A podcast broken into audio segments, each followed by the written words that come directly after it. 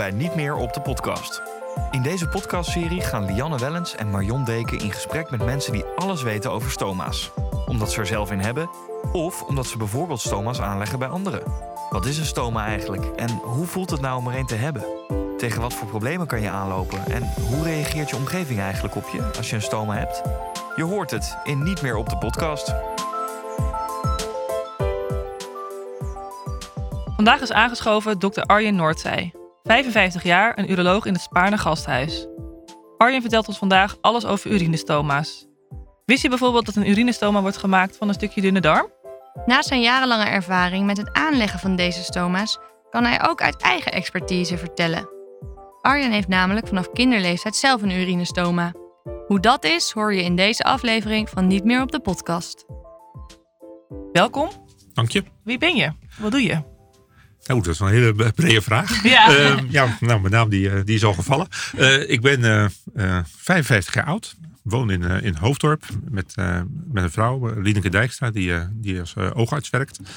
En eh, twee pubers, nou, bijna eindpubers, 17 en 18 jaar oud, die een kop boven mij uittorenen. dus dus En je bent al lang, al hè? groot? ik, ben, Ja. ik, ben, ik ben al lang, ja, Ja. ja. maar die zijn al bij zo rond de twee meter. Dus ik eh, ben het kleintje thuis. ja.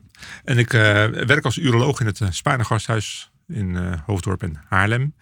Heb eh, daar echt sinds mijn specialisatie altijd eh, gewerkt. Ik ben opgeleid in, in Rotterdam.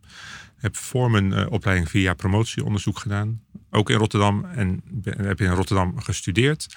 En ben ook in Rotterdam op de middelbare school geweest. En ben ook in de buurt van Rotterdam geboren. Dat is een beetje van achter naar voren, realiseer ik me nu. Dus, eh, je bent ook groot fan van Ajax dan, of dat niet? Nou, gelukkig hou ik helemaal niet van voetbal. Oh, dus voor deze keer geen blauw oog. Nee. Hou je van hobby's? Heb je hobby's? Hou je van hobby's? Of ik hobby's heb, ja. Ja. Ja, Ehm, ja v- vooral muziek. En dan actief eh, muziek. Ik speel eh, orgel, piano, klaversymbol, sinds een paar jaar viool. En dat eh, ja, vind ik heerlijk. Dat is gewoon eh, ja, fanta- fantastisch. Er is echt niks moois dan, eh, dan muziek. Ik twijfel eigenlijk nog telkens of ik niet beter de muziek in had. eh, Maar wat je had kunnen tegen? Eh, nou ja, omdat dit werk is ook weer zo leuk. Nou, eigenlijk heb ik altijd, wat ik net zeg, getwijfeld. Maar ik heb uiteindelijk een hele, eh, eh, s- eh, nou, hoe zeg je dat? Een- niet emotionele, maar een hele rationele keuze gemaakt. Kijk, je kunt dokter zijn en heel goed de muziek als hobby ernaast hebben. Andersom wordt dat lastig. Ja. ja. Ja, dus dat was uiteindelijk toch de keuze wel weer makkelijk. Ja. Was ik alweer een, een hele dag achter die piano zitten, denk ik, goh, toch ook wel leuk geweest. En je bent eh, uroloog. Ja. Hebt ook nog andere activiteiten volgens mij. Ja, is, eh, eh, ik ben in, het ziekenhuis ben ik, eh, opleider. Dat wil zeggen dat ik verantwoordelijk ben voor de opleiding van de artsassistenten in de opleiding tot, tot uroloog. Voor de co-assistenten en voor de assistenten niet in opleiding tot specialist. Dat wil niet zeggen dat de, de collega-urologen helemaal niks aan begeleiding doen. Maar ik ben de eindverantwoordelijke daarvoor. Daarnaast zit ik in een aantal ziekenhuiscommissies. En daarvan vind ik de allerleukste dat ik voorzitter ben van de commissie ethiek. Dan hou je echt weer bezig met een totaal ander aspect van de zorg. Dan denk je veel meer na over, ja, wat is nu goede zorg? En dat is, dat is, dat is, dat is ontzettend leuk om daarover eh, over na te denken, adviezen te geven. En dan buiten het ziekenhuis eh, ehm, doe ik nog iets in, het, eh, eh, in de Nederlandse Vereniging van eh, Urologie. Dus de beroepsvereniging van urologen. En in de Federatie Medische Specialisten. En tenslotte ben ik nog eh, bestuurslid van de Nederlandse Stoma-vereniging. Indrukwekkend. Ja. Goed cv. En eh, vandaag willen we het graag eh, met jou hebben over de urinestoma's. Ja, het woord stoma betekent eigenlijk mond. En ja, urinemond, dat klinkt een beetje gek, maar het is eigenlijk alle kunstmatige uitgangen die je kunt maken van de urinewegen. Dat is eigenlijk heel kort wat het is. En wanneer krijg je zoiets? Dat is eigenlijk, een, nou, meer dan 90% van de gevallen is dat vanwege blaaskanker. Heel af en toe bijvoorbeeld vanwege neurologisch probleem. Dus mensen bijvoorbeeld met, met ernstige eh, multiple sclerose kunnen wel eens een stoma krijgen.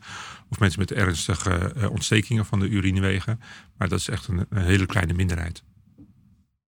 En hoe wordt dan eh, zo'n urinestoma aangelegd? Hoe ziet dat eruit? Het is ook lastig om in een podcast uit te leggen hoe dat eruit ziet. Maar Ja, Ik, zal- ik zal het je- proberen. Ja. Het, het gaat meestal om een operatie waarbij de blaas moet worden weggehaald. En als je de blaas weghaalt, dan heb je ook geen opvang meer van urine. En de urine wordt aangemaakt in je nieren. De, nieren zorgen dat de afvalstoffen uit je lichaam weggaan. Maar zorgen ook dat het overtollige water uit je lichaam weggaat in de vorm van urine. En dat slaat de blaas op. En als je gaat plassen, dan eh, wordt het er weer uitgewerkt. als je de blaas weghaalt, dan heb je dat dus niet meer. En dan moet je zorgen dat die urine op een of andere manier ergens naartoe kan. Uit je lichaam gaat. Ja, de ja, afvalstoffen. ja, ja, want anders, als die in je lichaam zou blijven, zou je een soort Michelin-mannetje of vrouwtje eh, worden. En daarom wordt dus een stoma aangelegd. En dat gebeurt in de meeste gevallen doordat er een stukje dunne darm, dat wordt eigenlijk tussen de uit het spijsverteringskanaal, eh, daar wordt het tussen uitgehaald. Die twee einden worden wel weer aan elkaar gezet, want je eten moet natuurlijk ook nog wel weer door kunnen. Dan heb je eigenlijk een los stukje dunne darm, wat nog wel vast zit aan de bloedvaten. En dan zet je één, huid, één deel zet je in de huid. Dat is het stoma aan de buitenkant. En aan de binnenkant komen dan de urineleiders die uit de nier komen, worden daarop vastgehecht. Dus het is eigenlijk, als je het heel simpel bekijkt, een, eh, soort loodgietersoplossing. Het, het, reservoir van de blaas is weg. En dan zet je er eigenlijk een stukje pijp tussen, in dit geval een stukje dunne darm. Eén kant gaan de urineleiders in en het andere stuk dat hecht je in de huid. En waarom hecht je niet meteen die urineleider op de huid? Waarom heb je die darm nodig? Ja, dat, bes- dat bestaat wel. eh, bijvoorbeeld bij, eh, bij jongetjes met, eh, met, dat zijn meestal jongetjes die geboren worden met ernstige problemen van hun nieren. Doordat er een eh, afsluiting in de plasbuis zit. Wordt soms tijdelijk worden de urineleiders in de rug, in de huid gehecht. Maar het eerste probleem is dat je al twee stoma's hebt. En dat is natuurlijk voor de rest van je leven. Nou, één stoma is misschien al niet, eh, niet prettig, maar dan is twee stoma's. Is dan Ja. helemaal niet, niet prettig. Nee. Maar er zit ook een medisch probleem bij dat die aansluiting van, eh, van zo'n urineleider op de huid, die gaat altijd vernauwen. Dat Oké. geeft enorme vernauwingen. Hoe komt dat? Dat weten we niet helemaal goed. Maar dat is de- waarschijnlijk toch door de reactie van de, van de huid. En het tweede en misschien nog een wel groter probleem is dat je een hele korte toegangsweg hebt van de huid naar de nier. Waardoor je enorm makkelijk infecties kunt krijgen. En dat gaat op de lange termijn echt een probleem Want hoe, geven. hoe lang is ongeveer normaal de urineleider?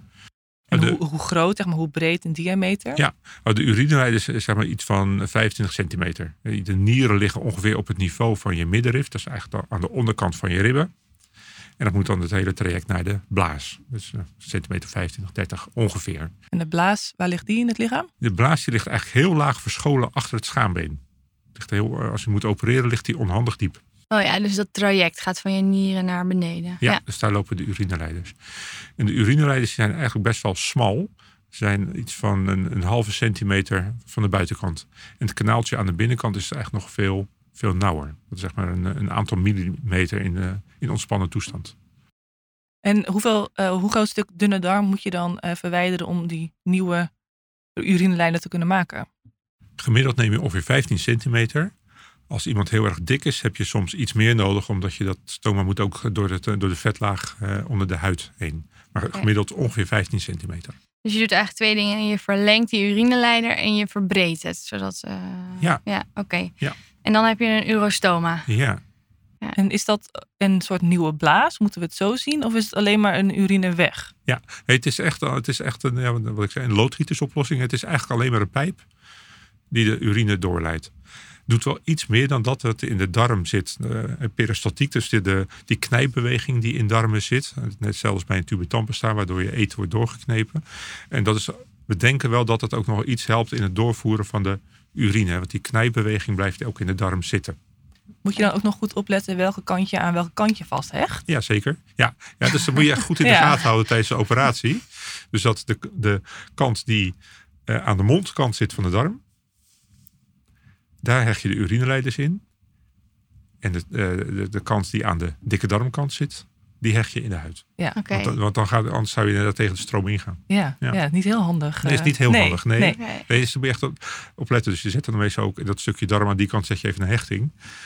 Dan Als weet je ook, reminder, oké, dit is dat eh je weet welke kant ja. het is. Ja, ja. En is dat eigenlijk de enige soort van uh, urostoma die je hebt? Of heb je ook andere types sto- stoma's? Er, zijn, veel verschillende types. Dit is verreweg de meest eh, aangelegde, de zogenaamde brikkerstoma eh, heet dat. En dat is genoemd naar een, eh, naar een Engelse uroloog die dat ergens in de, nou, bijna een eeuw geleden bedacht heeft. En dat is gaan, eh, gaan uitvoeren. Meneer Brikker, mevrouw Brikker. Ja, nee, nee, ja, sorry, het was een meneer. Ja, oh ja, ja, ja, ja. ja, ja, Ja, het- Toen nog, ja. ja, de, Ja. de seksgelijkheid die was er toen duidelijk, nou nog steeds niet trouwens. Nee. Zeker in de medische wereld niet. Maar die was er toen nog helemaal niet. Nee, het was echt een meneer Brikker.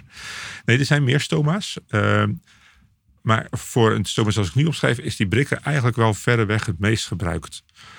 Maar men is wel verder gaan zoeken van, goh, is het niet mogelijk om toch op een of andere manier die functie van die blaas over te nemen? Ja, dat je echt weer dat reservoir gaat maken, dat je de urine een tijdje op kunt slaan.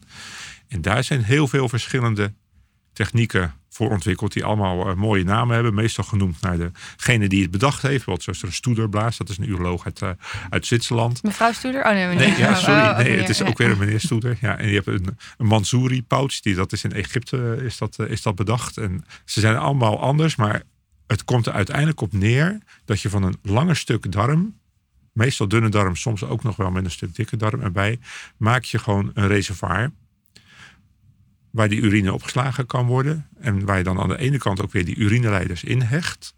En aan de andere kant, dan heb je verschillende mogelijkheden. Eh, als de normale de, de plasbuis er nog is, kun je dat aansluiten op de plasbuis die er al was. Want die, die loopt vanaf de blaas naar buiten. Dan heb je eigenlijk een min of meer normale situatie. Dat noemen we een neoblaas, een nieuwe blaas. Dan heb je eigenlijk geen stoma nodig. Dan, dan heb je dus geen stoma. Nee, nee, dat klopt. Is dat niet mogelijk, dan kun je zo'n, zo, meestal een pouch, hè, zo'n zo'n reservoir, kun je dan aansluiten eh, op de huid. Maar dan moeten mensen al een aantal keer per dag met een katheter, met een slangetje, moeten ze dat reservoir leegmaken. Oké. Maar dan heb je dat reservoir wel in je eigen buik. Ja. In plaats van een stoma zakje op Klopt. je buik. Klopt. Oké. Ja, dat, is het, eh, dat is het grootste verschil. En dan denk je, nou, als dat mogelijk is, waarom kiest daar niet iedereen Ja. voor? Of Ja. waarom, waarom leg je dan überhaupt nog stoma's aan? Ja. Ja. Nou, er zijn wel meerdere redenen voor. De, een belangrijke reden is dat je een, een, een goede nierfunctie moet hebben.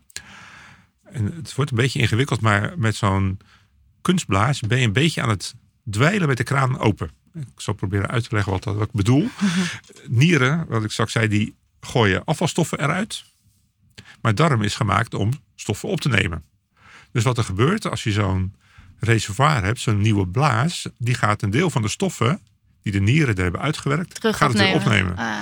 Dus de nieren moeten harder werken om dezelfde hoeveelheid afvalstoffen uiteindelijk kwijt te raken. Die moeten meerdere rondjes eigenlijk Ja, draaien met, ja. het vocht. Ja, Voordat ze het echt daadwerkelijk het lichaam ja, uit hebben ja, het is letterlijk Ja. dweilen met de kraan Ja. open. Ja. En dus, dus je hebt daarom een goede nierfunctie eh, een- een nodig. Verder maak je de operatie echt wel een stuk langer. Het is al een grote operatie, nou wordt nog groter. Dat is het tweede nadeel. Zeker als mensen op leeftijd zijn, gaat dat spelen.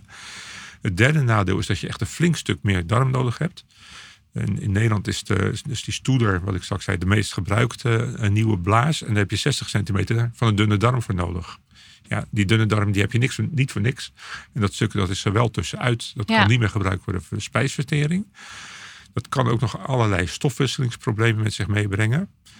Eh, op termijn loop je een risico dat er kanker gaat ontstaan in zo'n nieuwe blaas. Dus dat moet ook gecontroleerd worden.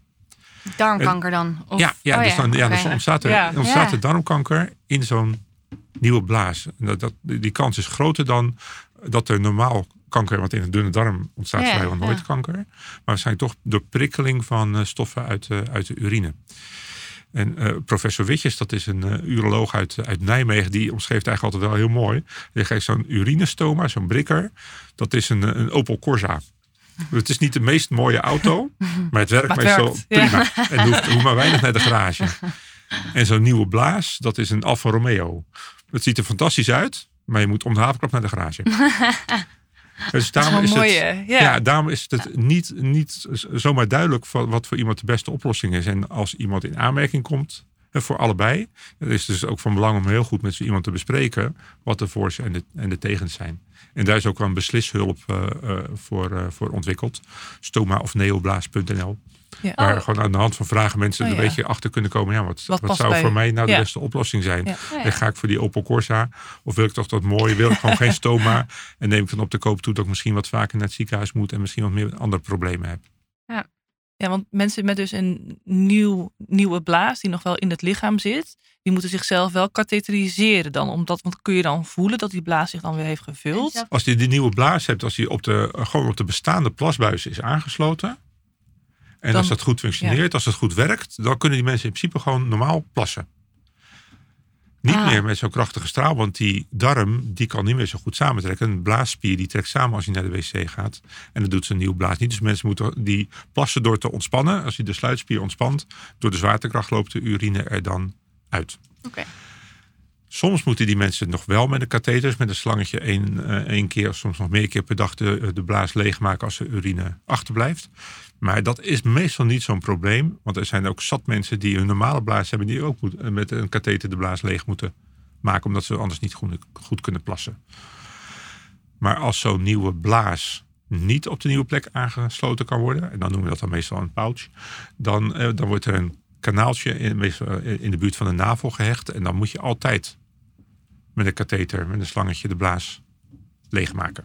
En want als het er continu uit zou druppelen, eh, dan, zou je als, dan zie je Ja. dan geen stoma zitten, maar zou je alsnog een zakje op je Ja. buik moeten dragen. Ja, dan ben je incontinent Ja, eigenlijk. Ja, dus er zit in al die systemen zit wel een continentiemechanisme, dus een mechanisme dat je droog blijft. Ja. Ja. En Oh, hoe ja. vaak moeten mensen dat dan doen? Dat, dat, eh, katheteriseren? Ja. Dat, vra- dat hangt er een beetje van af hoeveel ze drinken, hoeveel ze plassen. Maar de meeste mensen, als ze helemaal niet meer zelf plassen, zes tot zeven keer per dag. En dan heel erg op vaste tijden? Of kun je dan een beetje aanvoelen wanneer je dat moet doen? Ja, eh, dat, je, je- je stelt de vraag van, hè, als, eh, ehm, vo- voel je of die blaas vol is? Ja, Eh, In het begin niet. Maar op een gegeven moment eh, komt er wel een soort gevoel in. Eh, omdat die, als die, eh, de nieuwe blaas vol raakt, komt er toch iets spanning op de darmen. Dat geeft, dat geeft wel een signaal aan je hersenen af dat daar iets gebeurt. En op een gegeven moment leren mensen wel dat dat het signaal van een volle blaas is. grappig. Ja. Dus eigenlijk krijg je daarmee dat gevoel weer terug. Ja, niet, niet, niet hetzelfde als wat je had. Ja. Maar mensen zeggen wel, ja, maar ik voel wel gewoon de, gewoon de aandrang. Ja. En we, we, hebben in deze podcast met name gesproken over, over darmstoma's hiervoor. En we weten dat meer dan 30.000 mensen in Nederland een stoma hebben. Ja. Hoeveel mensen in Nederland hebben nou een urostoma? Ja, iets rond, eh, het is een stuk minder. Iets ergens tussen de 8 en de 10.000. Oké, en dat, is dat inclusief al die blaasvormen? Of, eh? Ja, want die, die eh, het is een beetje gek weer zeggen. Die mensen hebben helemaal geen, geen stoma eigenlijk. Maar we, we, eh, we noemen ze wel onder, wel onder dezelfde als- groep. Ja. Ja. Oké, ja, Dus hoeveel worden ongeveer per jaar dan urinestoma's aangelegd? Nou, er worden eh, ongeveer 900 blaaskankeroperaties gedaan waarbij een stoma wordt aangelegd per jaar in Nederland. Nou, la- zullen er misschien nog 100 zijn, maar ik denk zelfs minder vanwege andere redenen. Dus houdt het grofweg op 1000 per jaar. Ja, nou, dat is nog best een groot aantal. Ja, Ja, ja. Ja. En eh, worden deze mensen goed voorbereid op de operatie? Weten zij wat ze te wachten staat? ja als het goed is, eh, wel. Ehm, en daar hebben denk ik stoma-verpleegkundigen hebben daar de, de, de grootste rol eh, in. En verder krijgen mensen ook nog wel informatie. Dus dat mogelijkheid om in contact te komen met lotgenoten via de stoma-vereniging. Of soms hè, ook via het ziekenhuis zelf. Het is veel schriftelijk materiaal. Op de, website van de stoma-vereniging is heel veel eh, informatie te vinden. Dus ja, de mensen worden wel goed voorbereid. Van de andere kant hebben we een aantal jaar geleden vanuit de stomavereniging een peiling gehouden onder eh, mensen met stoma. En dat was niet alleen mensen met de urinestoma, maar mensen met stoma in het algemeen. En er was één aspect waar men du- duidelijk over vond dat daar de voorlichting slecht over was. En dat was over de seksualiteit. Oh ja. Ja, dat, dat, dat, was, dat was echt een ondergeschoven kind. Dat dat toch, eh, en dat en zeker bij, bij een blaaskankeroperatie is dat echt wel een belangrijk punt om te noemen. Want eh, bij, eh, als, het zijn negen, nou niet 9 van de 10, maar het overgrote deel zijn mannen.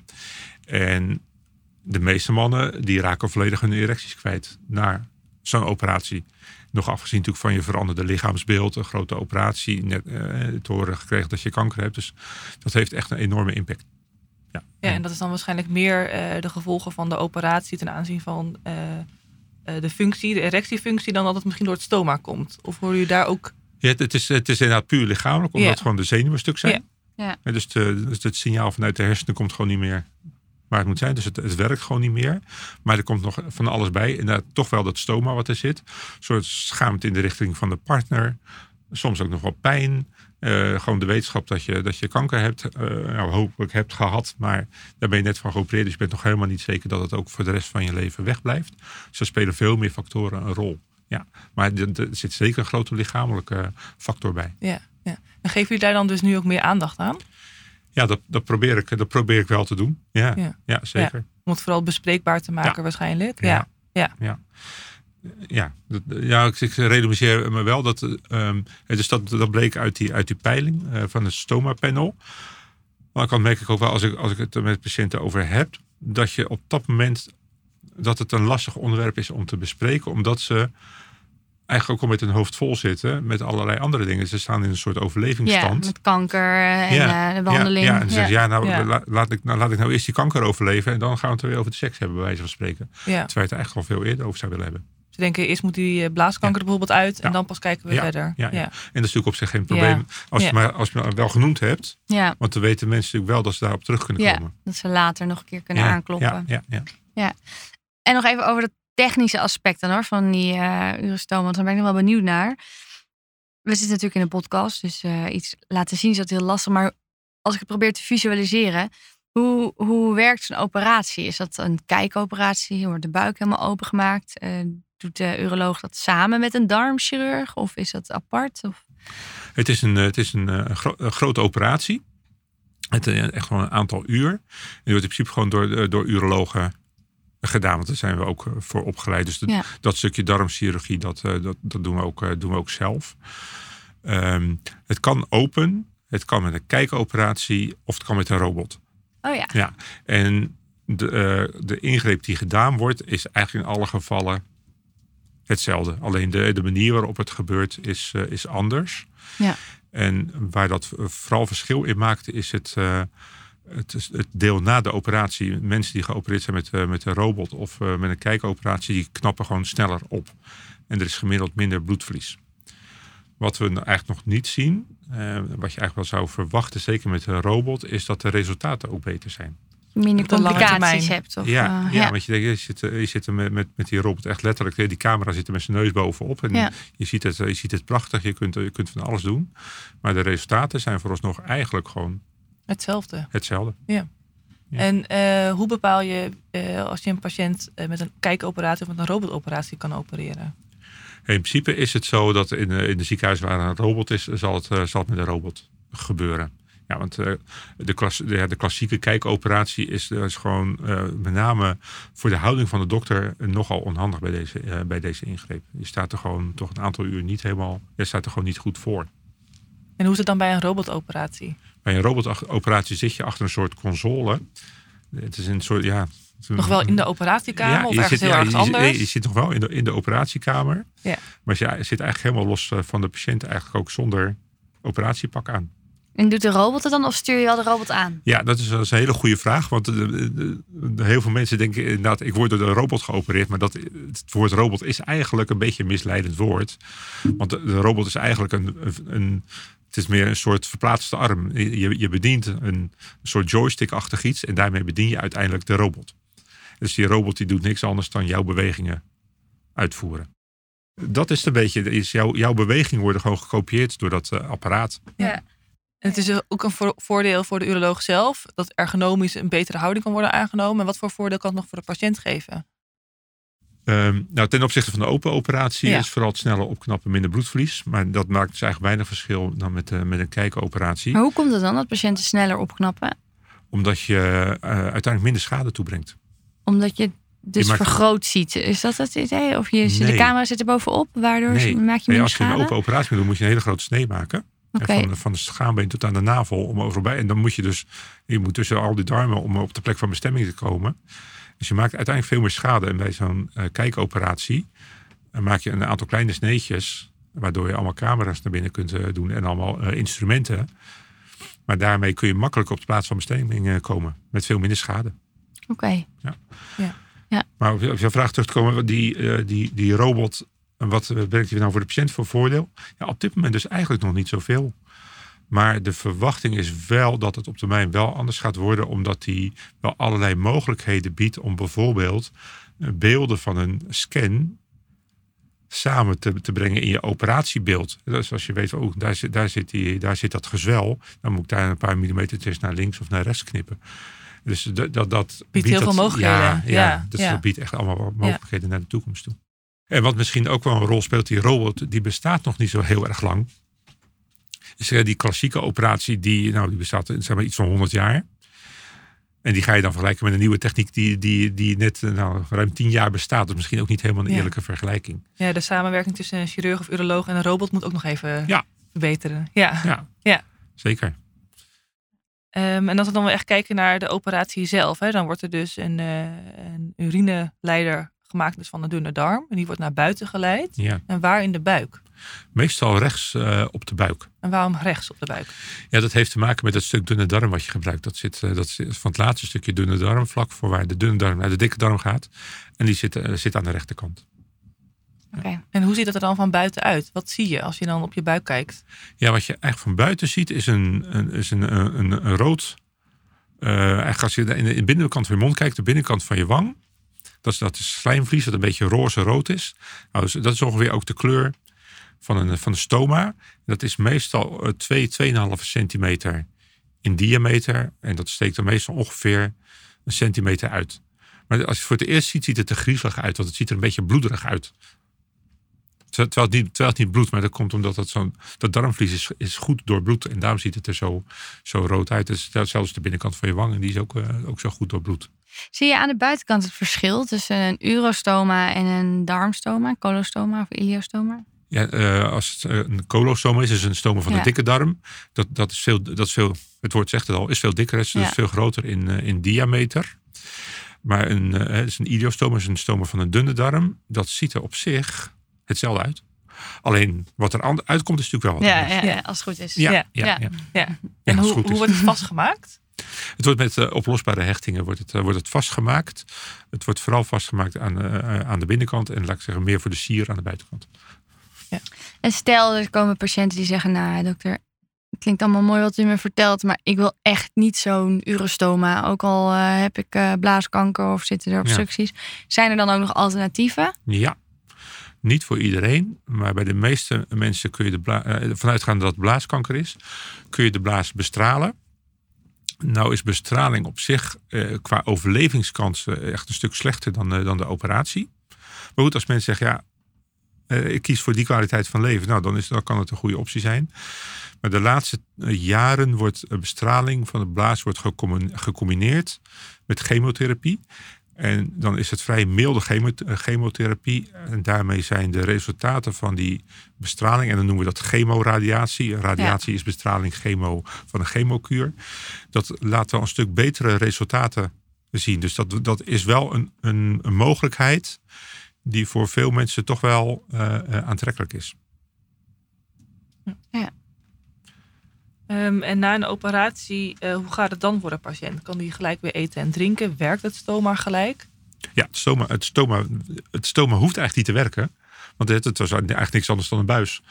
Puur de Ja. uitgang. Ja, het is dus het loopt het- wel. Het is puur de uitgang, dus de urine loopt er wel. Ja. Dus dat stoma dat werkt meteen. Zie je dat dan al gelijk op de operatietafel? Ja, dat zie, dat zie, je, dat zie je al meteen. Ja. Als, je, eh, als de patiënt in ieder geval eh, door de anesthesioloog en de slaapdokter, als hij genoeg vocht krijgt.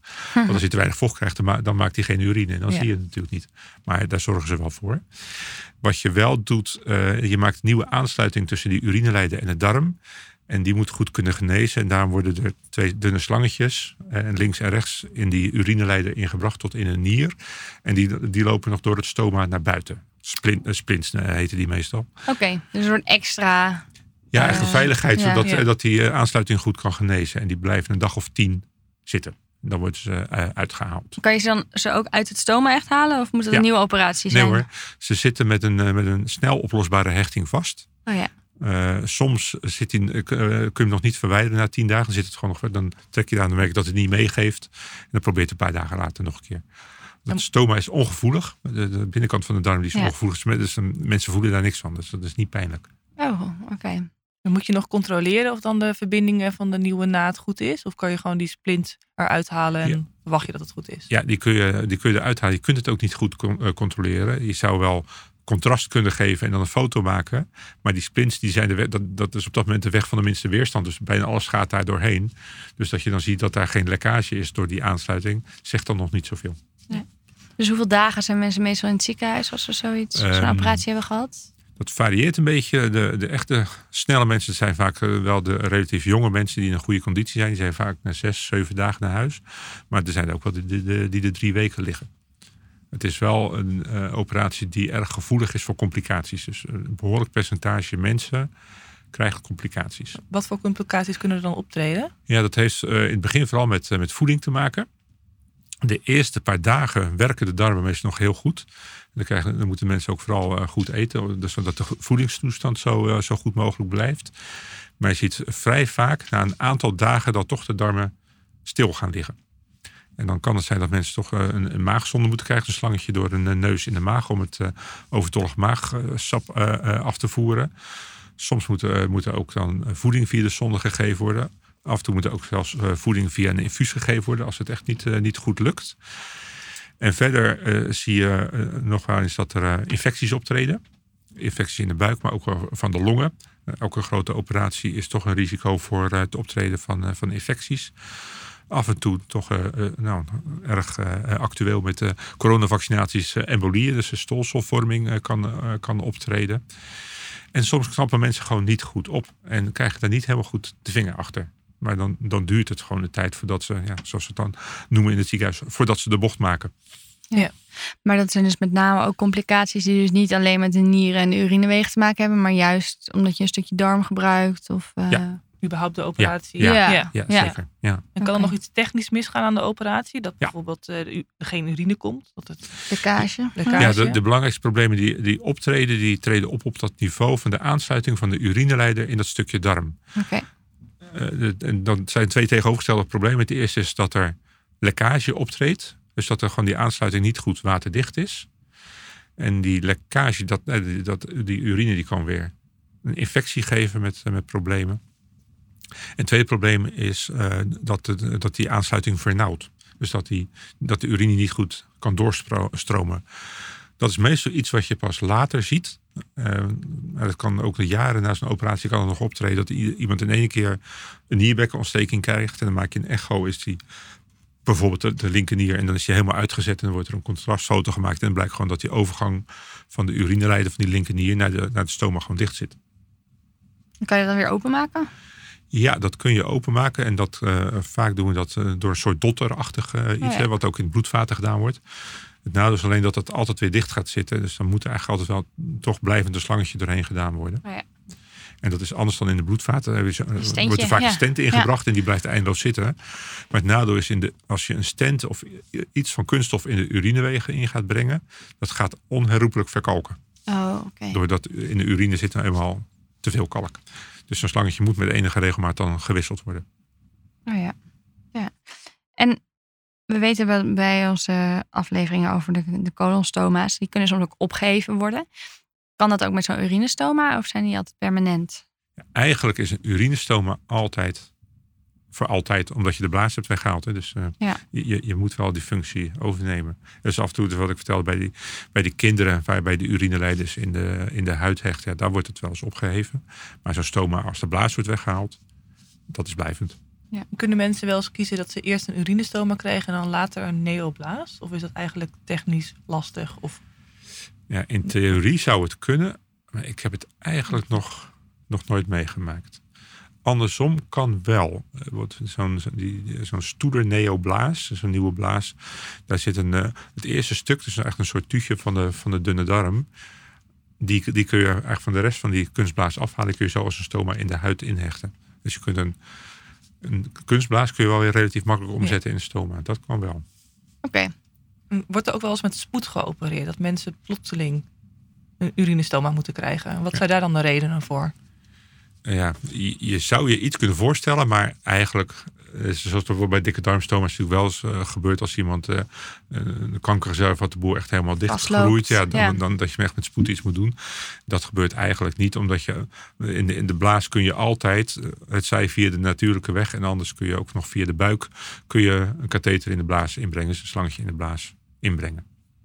Dus eigenlijk altijd wel iets meer tijd om mensen voor te bereiden of te plannen. Ja, ja, en het kan best wel zijn op korte termijn, maar dat is dan niet zo korte termijn als bij zo'n dikke darmstoom, dat het dezelfde dag moet. Nee, ja, ja. maar dezelfde week of uh, de dag ja, zelfs, zelfs, dat eigenlijk niet eens. Oké. En we hebben het ook vooral gehad over uh, de indicatie van een blaaskanker, dat mensen een urinestoma moeten krijgen. Wat zijn nog andere redenen? Wat voor andere ziekten? De grootste uh, andere groep dat, zijn mensen met neurologische problemen, waardoor de blaas niet goed werkt. De blaas is op zich een simpel ding. Het is namelijk een soort ballon. En als je niet wil plassen, dan moet er eindeloos veel urine in, kunnen.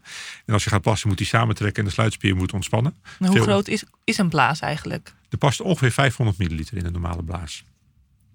Maar dat wordt wel aangestuurd vanuit de hersenen. En als daar schade is in dat, in dat gebied, eh, vaak in het ruggenmerg, bijvoorbeeld bij kinderen met een, die geboren zijn met een open ruggetje of bij mensen met multiple sclerose, kan die blaasfunctie zo slecht zijn dat op termijn een stoma nodig is.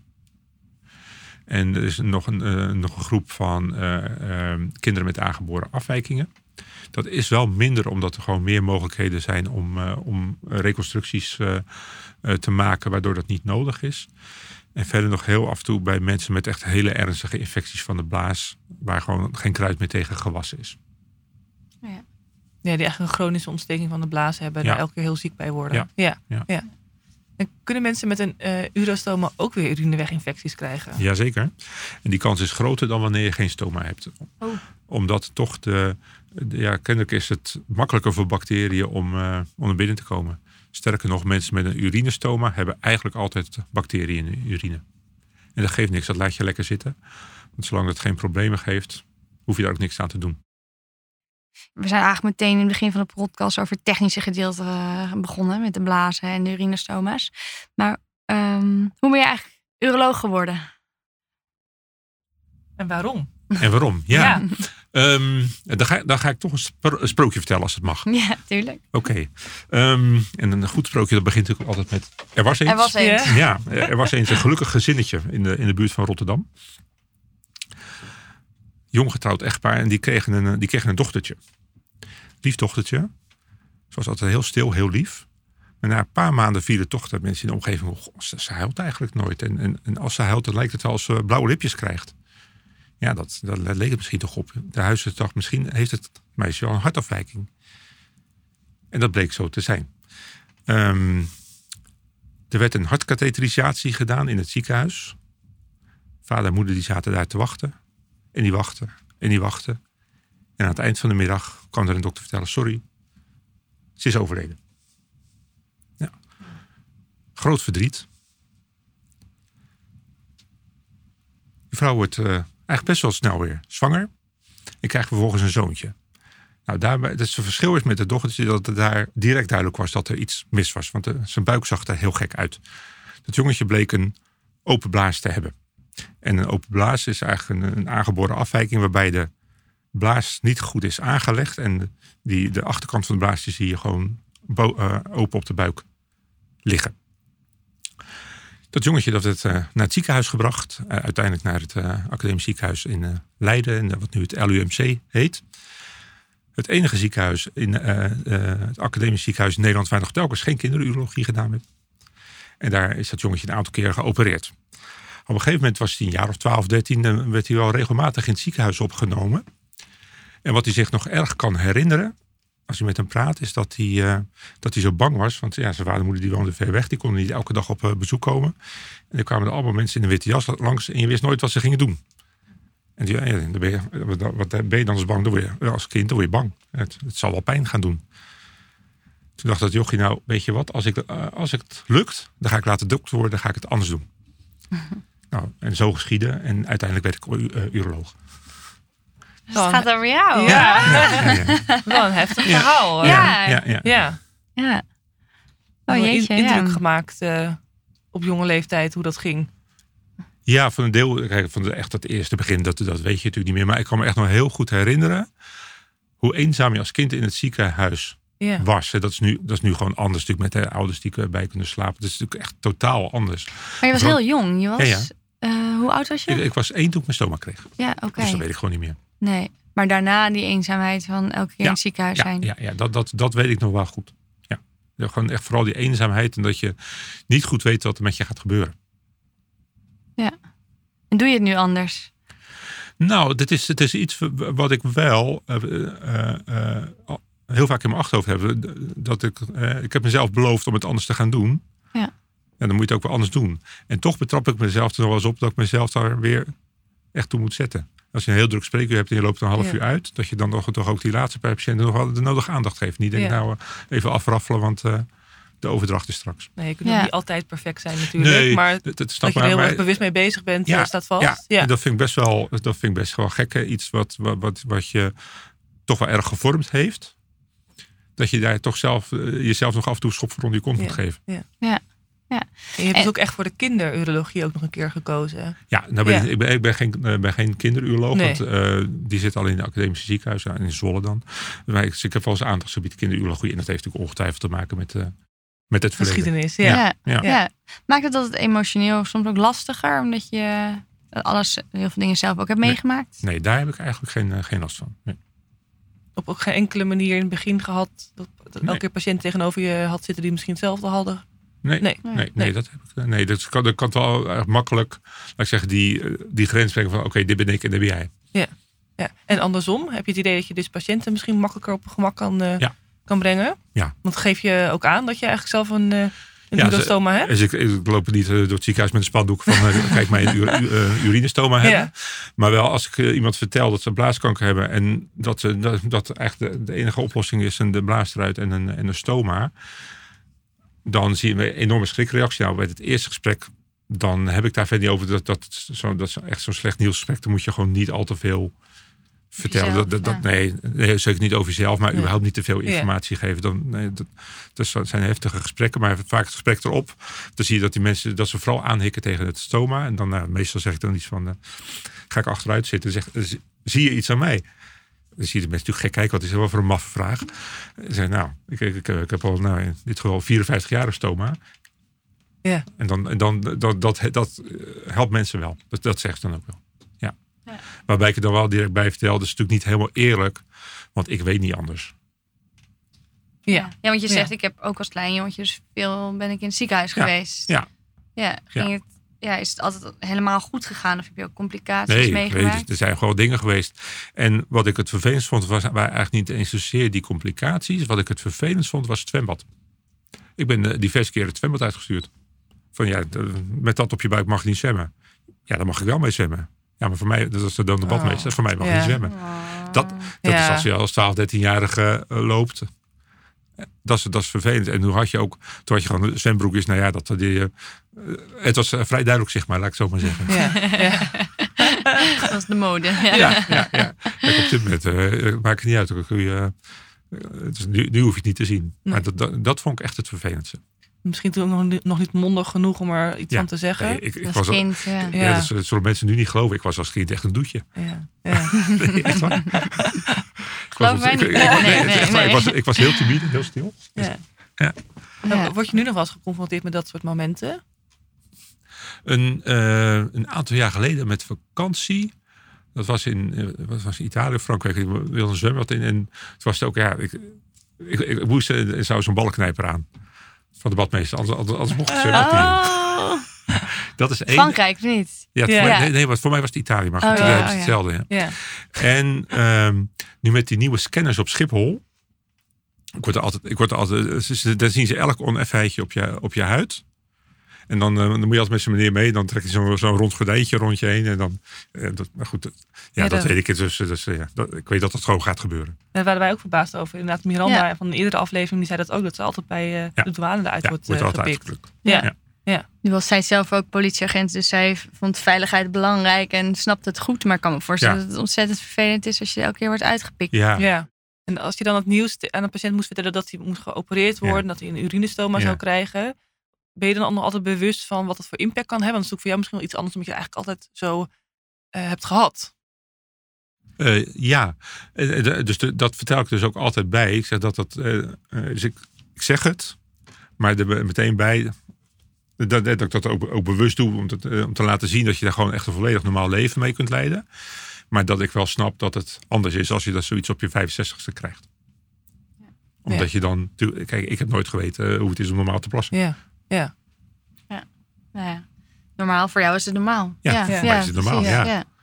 Ja. Ik kan met mijn ogen dicht kan ik een stomazakje wisselen. Ja.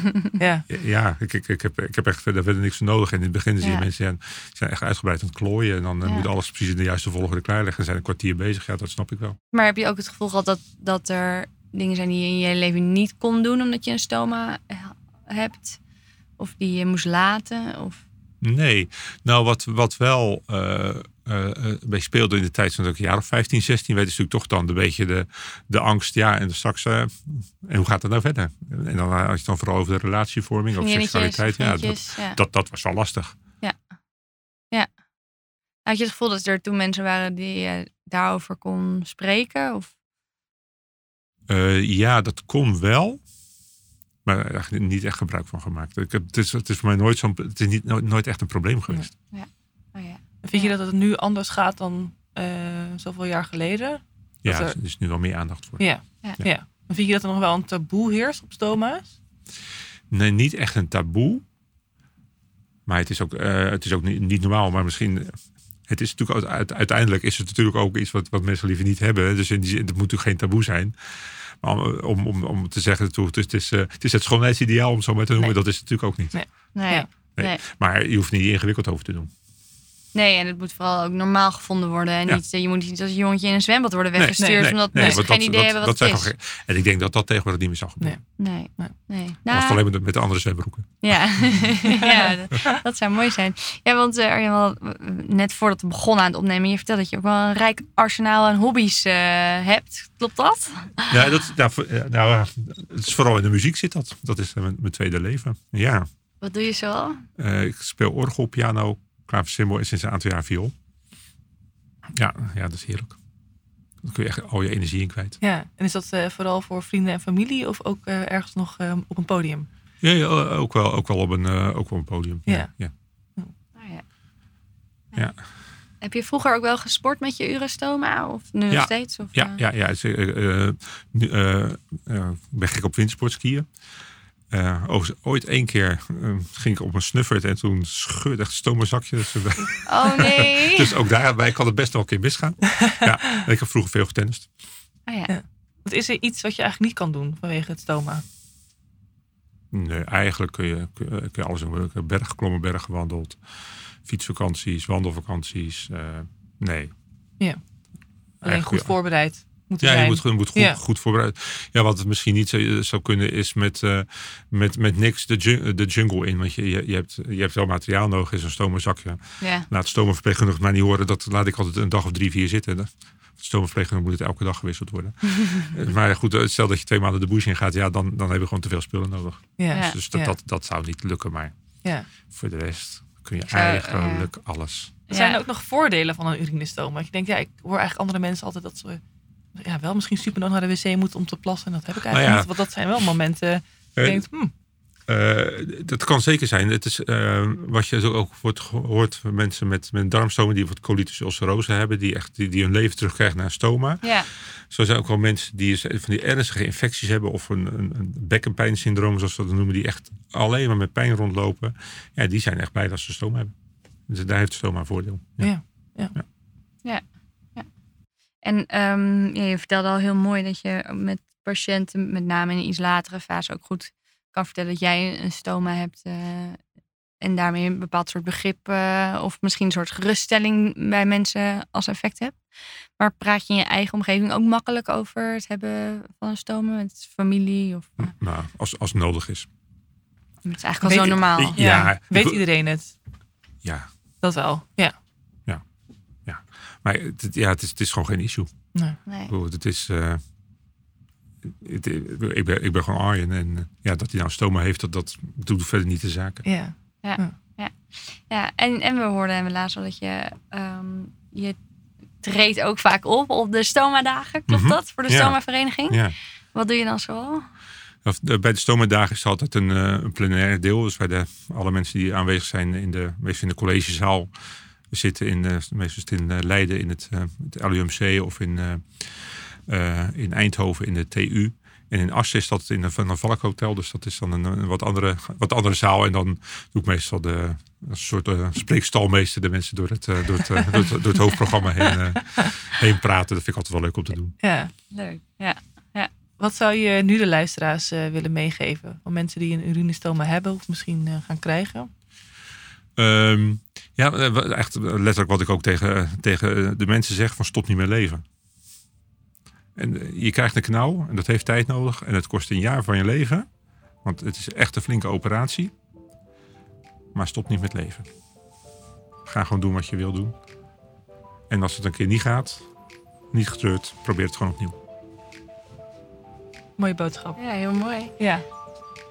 Heel Dank- erg bedankt eh, Arjen Noordzee dat je hier vandaag met ons wilde praten als eh, eh, ervaringsdeskundige en zorgprofessional. En eh, eigenlijk op 360 graden de Eurostoma's hebben belicht. Ja. Nou, graag gedaan, vond het een leuk gesprek zo. Ja. Dankjewel. Bedankt voor het luisteren. Wil je nou meer weten over stoma's? Neem dan een kijkje op www.stomavereniging.nl of blijf luisteren naar deze podcast. Deze podcast is gemaakt door Lianne Wellens, Marion Deken en Max Schuiling en is mede mogelijk gemaakt door de Stoma Vereniging en Zon MW.